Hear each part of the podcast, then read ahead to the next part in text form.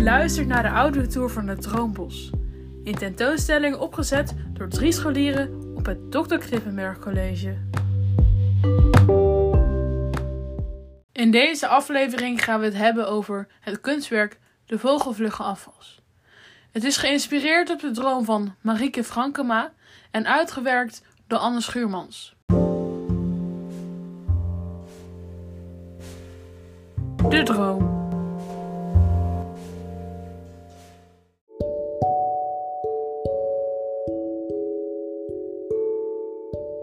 Ik droomde vanochtend, vlak voordat ik wakker werd, over een enorme afwas die ik met een soort mentor moest doen en met iemand anders.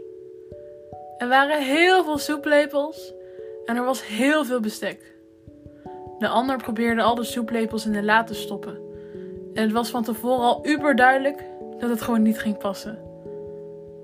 Dus het was een beetje suf. Ik had dus een droom over afwassen, messen en soeplepels.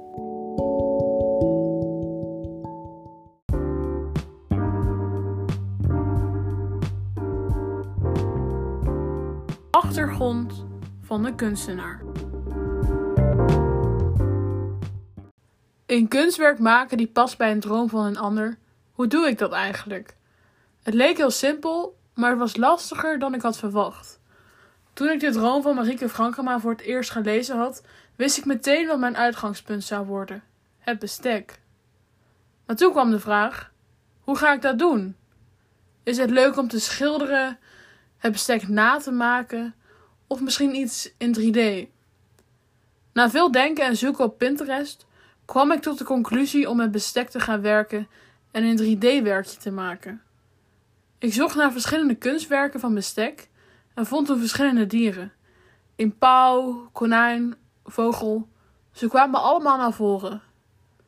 Zelf vond ik het vogeltje het mooist en het makkelijkst om te maken. Vervolgens ging ik mijn kunstwerk uitwerken en ging ik naar de kringloop om alle benodigdheden te halen. Toen kon ik aan de slag. Na veel meten, zagen en buigen was mijn vogel bijna af.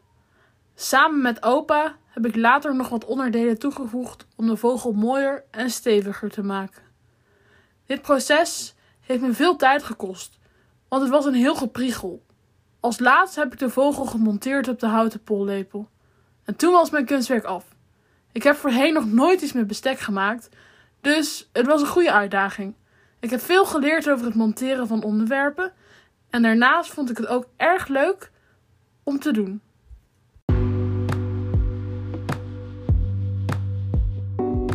Dit was de eerste aflevering van de audiotour in Droombos. Ben je nieuwsgierig geworden en wil je nog meer te weten te komen over de kunstwerken of de kunstenaars?